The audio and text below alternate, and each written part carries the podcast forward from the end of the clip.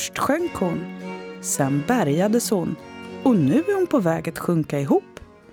Sakta men säkert rör hon sig nedåt och utåt en knapp millimeter per år. Vi pratar alltså om Vasa, för det här är ju Vasamuseets podd med mig, Katrin Rising. Och ämnet för dagen är det stora projektet med att stötta skeppet Vasa. Ett projekt som för enkelhetens skull heter just Stötta Vasa. Vi går rakt på sak med Magnus Olofsson som är projektchef för det här stora projektet. Magnus, vad är det egentligen som orsakar det här behovet av stöttning?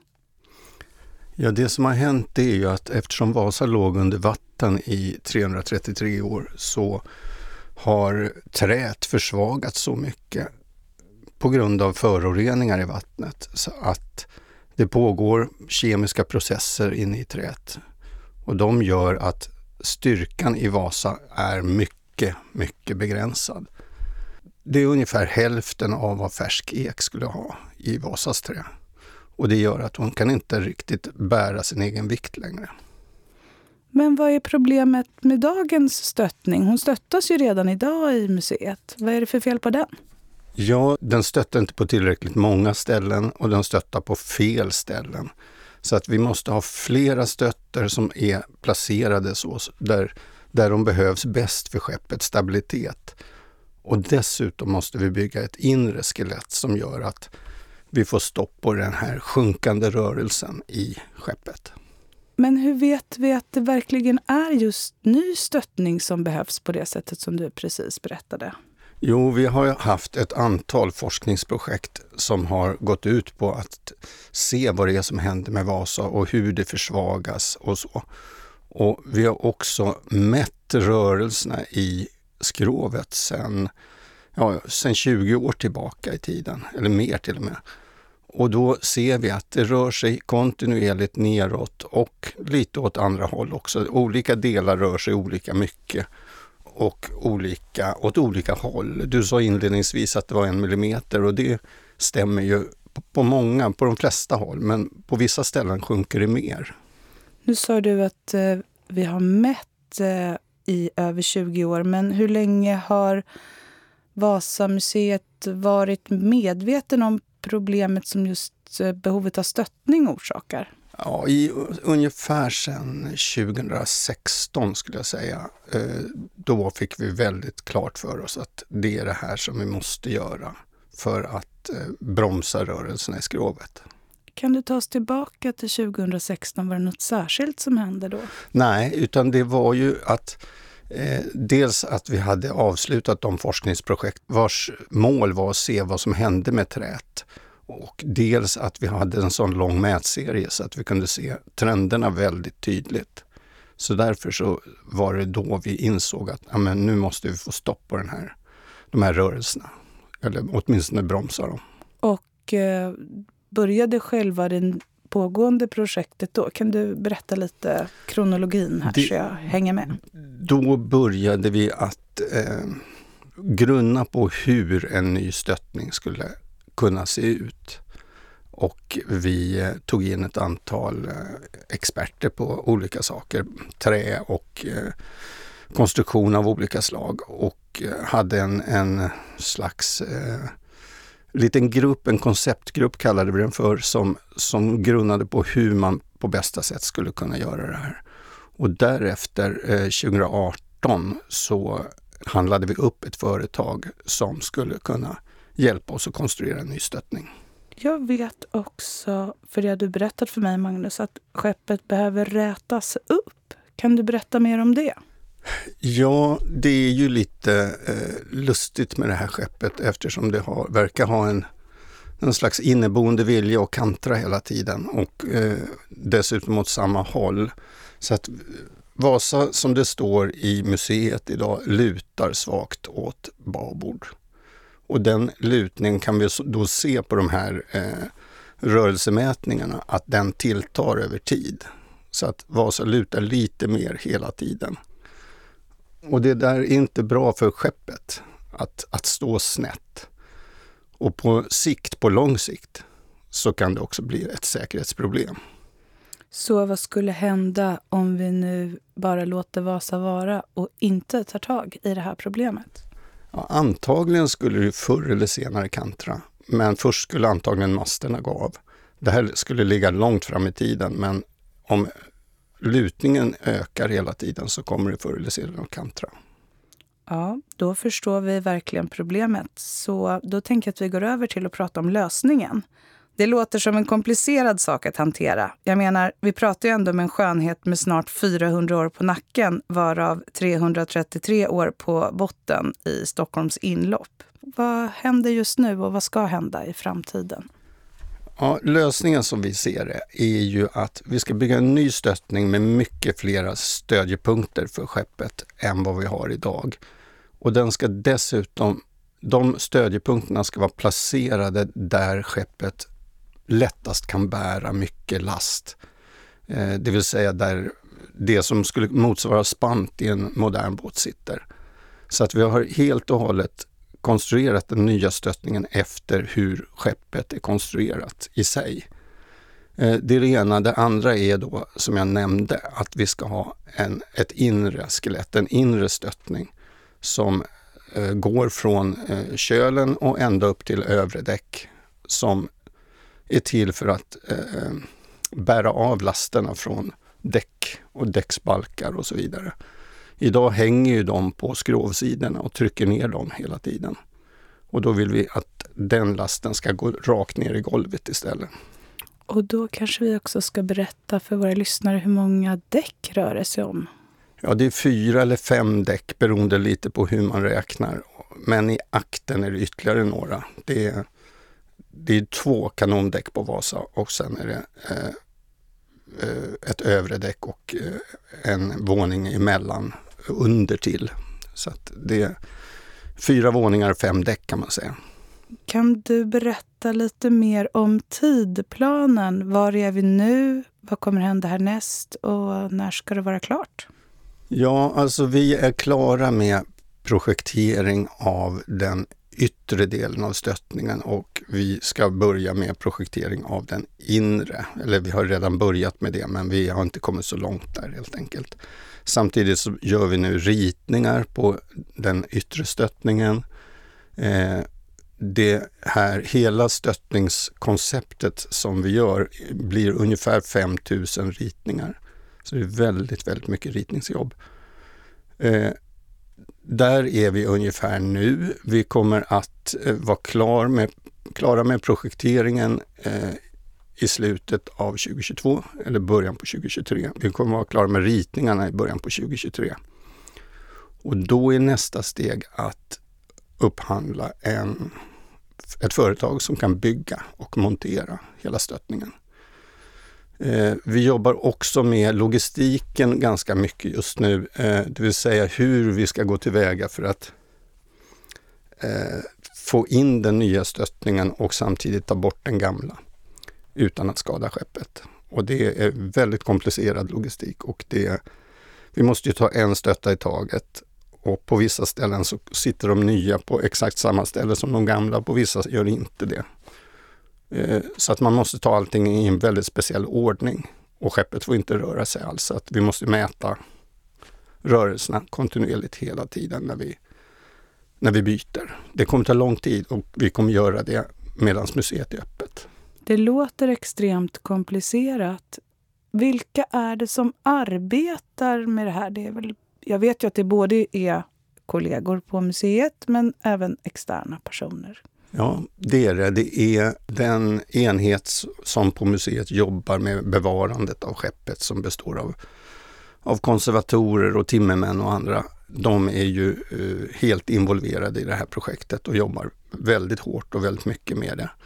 Vi har ett företag som konstruerar hela stöttningen, det vill säga ritar och gör allt det jobbet, som heter Kamatech. Sen har vi lite andra konsulter också vi måste också dra om el och alla ledningar som är larm och klimatanläggning och sånt för att få in det här i... Mycket sladdar sitter idag på den gamla stöttningen. Vad finns det för risker för skeppet i hela det här stora arbetet? Eh, det finns väldigt många risker. Den uppenbara risken är väl först och främst att, att det skadas. Alltså, det är stora tunga delar som ska in i skeppet, eh, alltså stålkonstruktioner som ska in i skeppet. Det, det, finns ju alltid en risk att man på något sätt krockar och slår, slår sönder någonting eller så.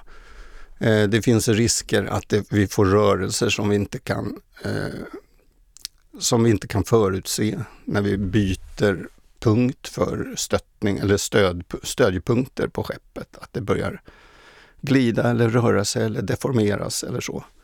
Det finns ekonomiska risker. Det finns också eh, risker för att vi kanske måste stänga museet under någon period eller så. Men det tror vi inte kommer hända. Men arbetet ska alltså pågå helt eh, medan museet är öppet, medan det är besökare i museet. Hur ser du framför dig att det kommer att fungera?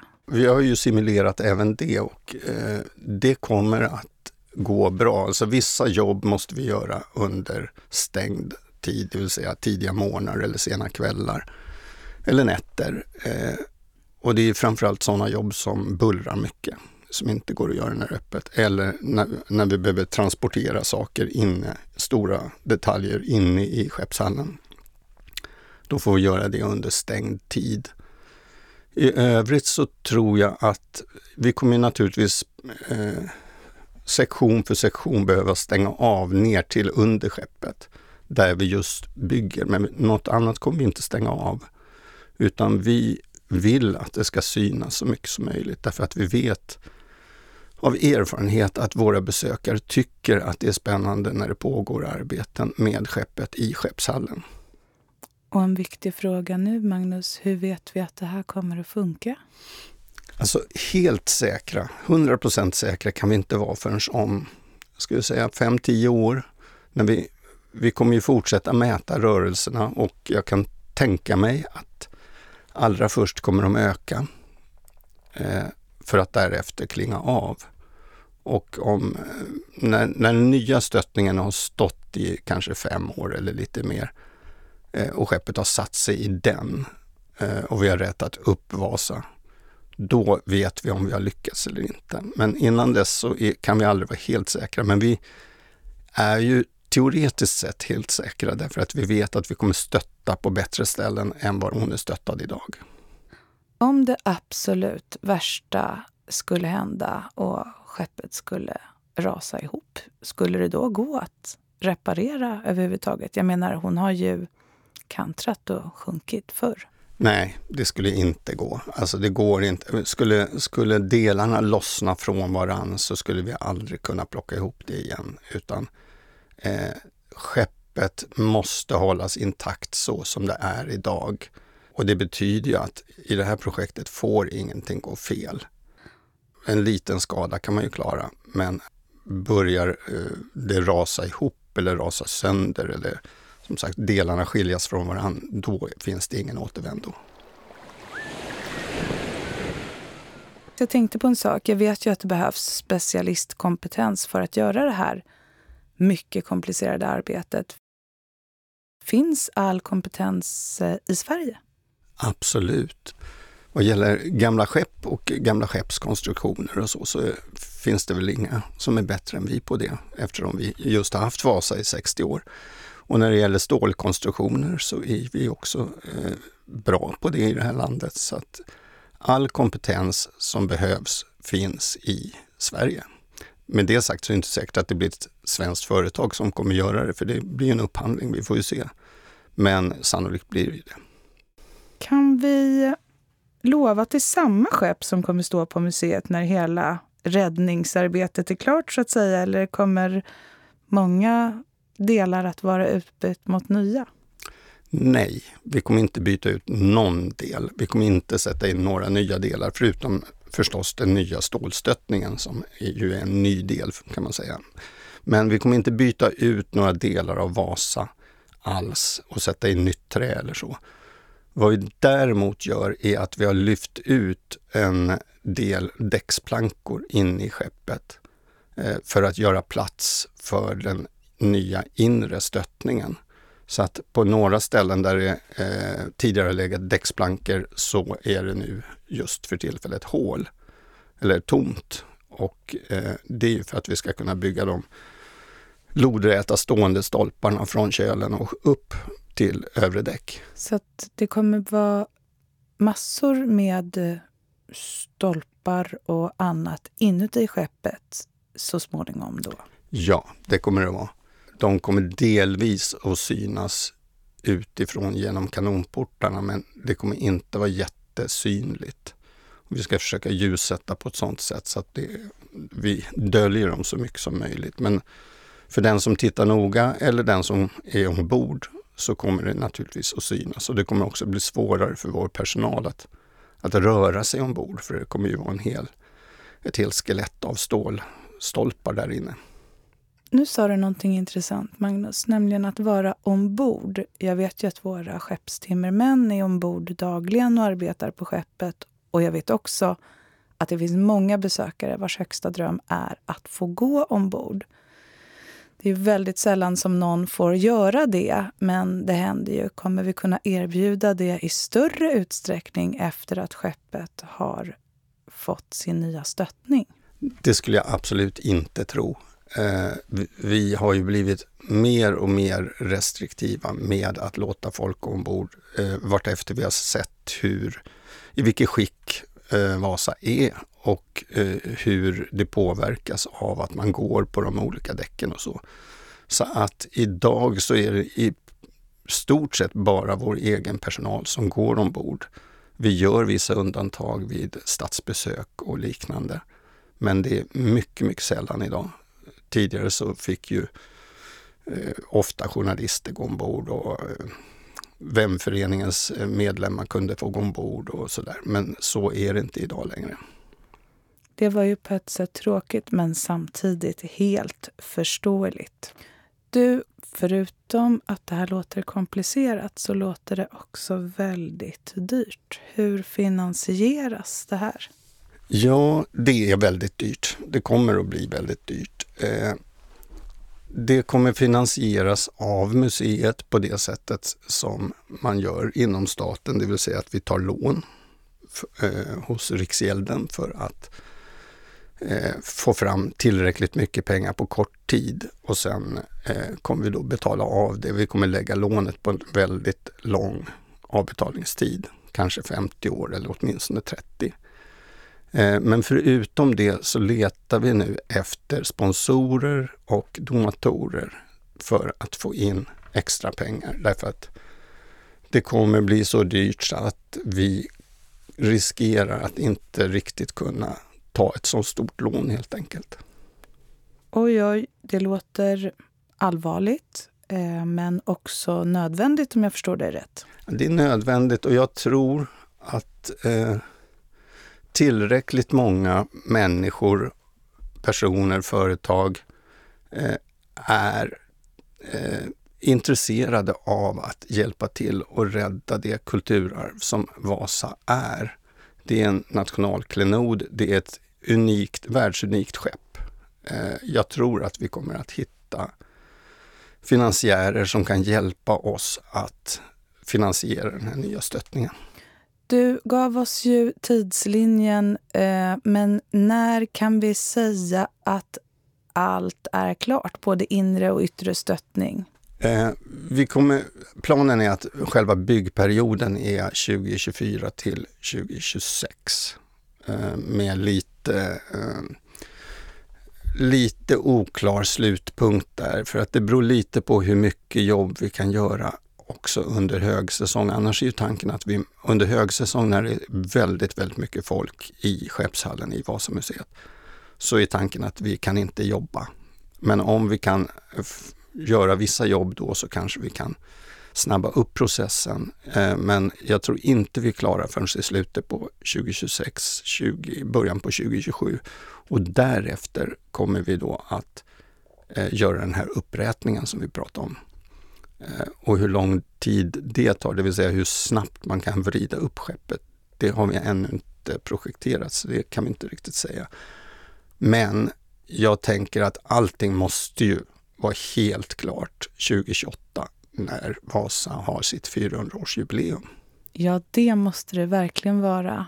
En sak som jag har funderat på medan vi har pratat här nu är allt låter så extremt komplicerat. Och vad skulle du säga är det mest utmanande i det här arbetet? Jag skulle säga att dels är det just att Vasas trä är så, i så dåligt skick men väldigt olika dåligt skick i olika delar av skeppet och olika timmer och så. Eh, det gör att det är väldigt svårt att veta exakt vad olika delar kan bära eller inte bära. Eh, och vi har ju gjort massor, massor med tester av det här träet, men, men det, man kan inte ta hur många prover som helst och testa utan eh, vi får ju göra vissa antaganden helt enkelt. Så det är en sak som är väldigt svår.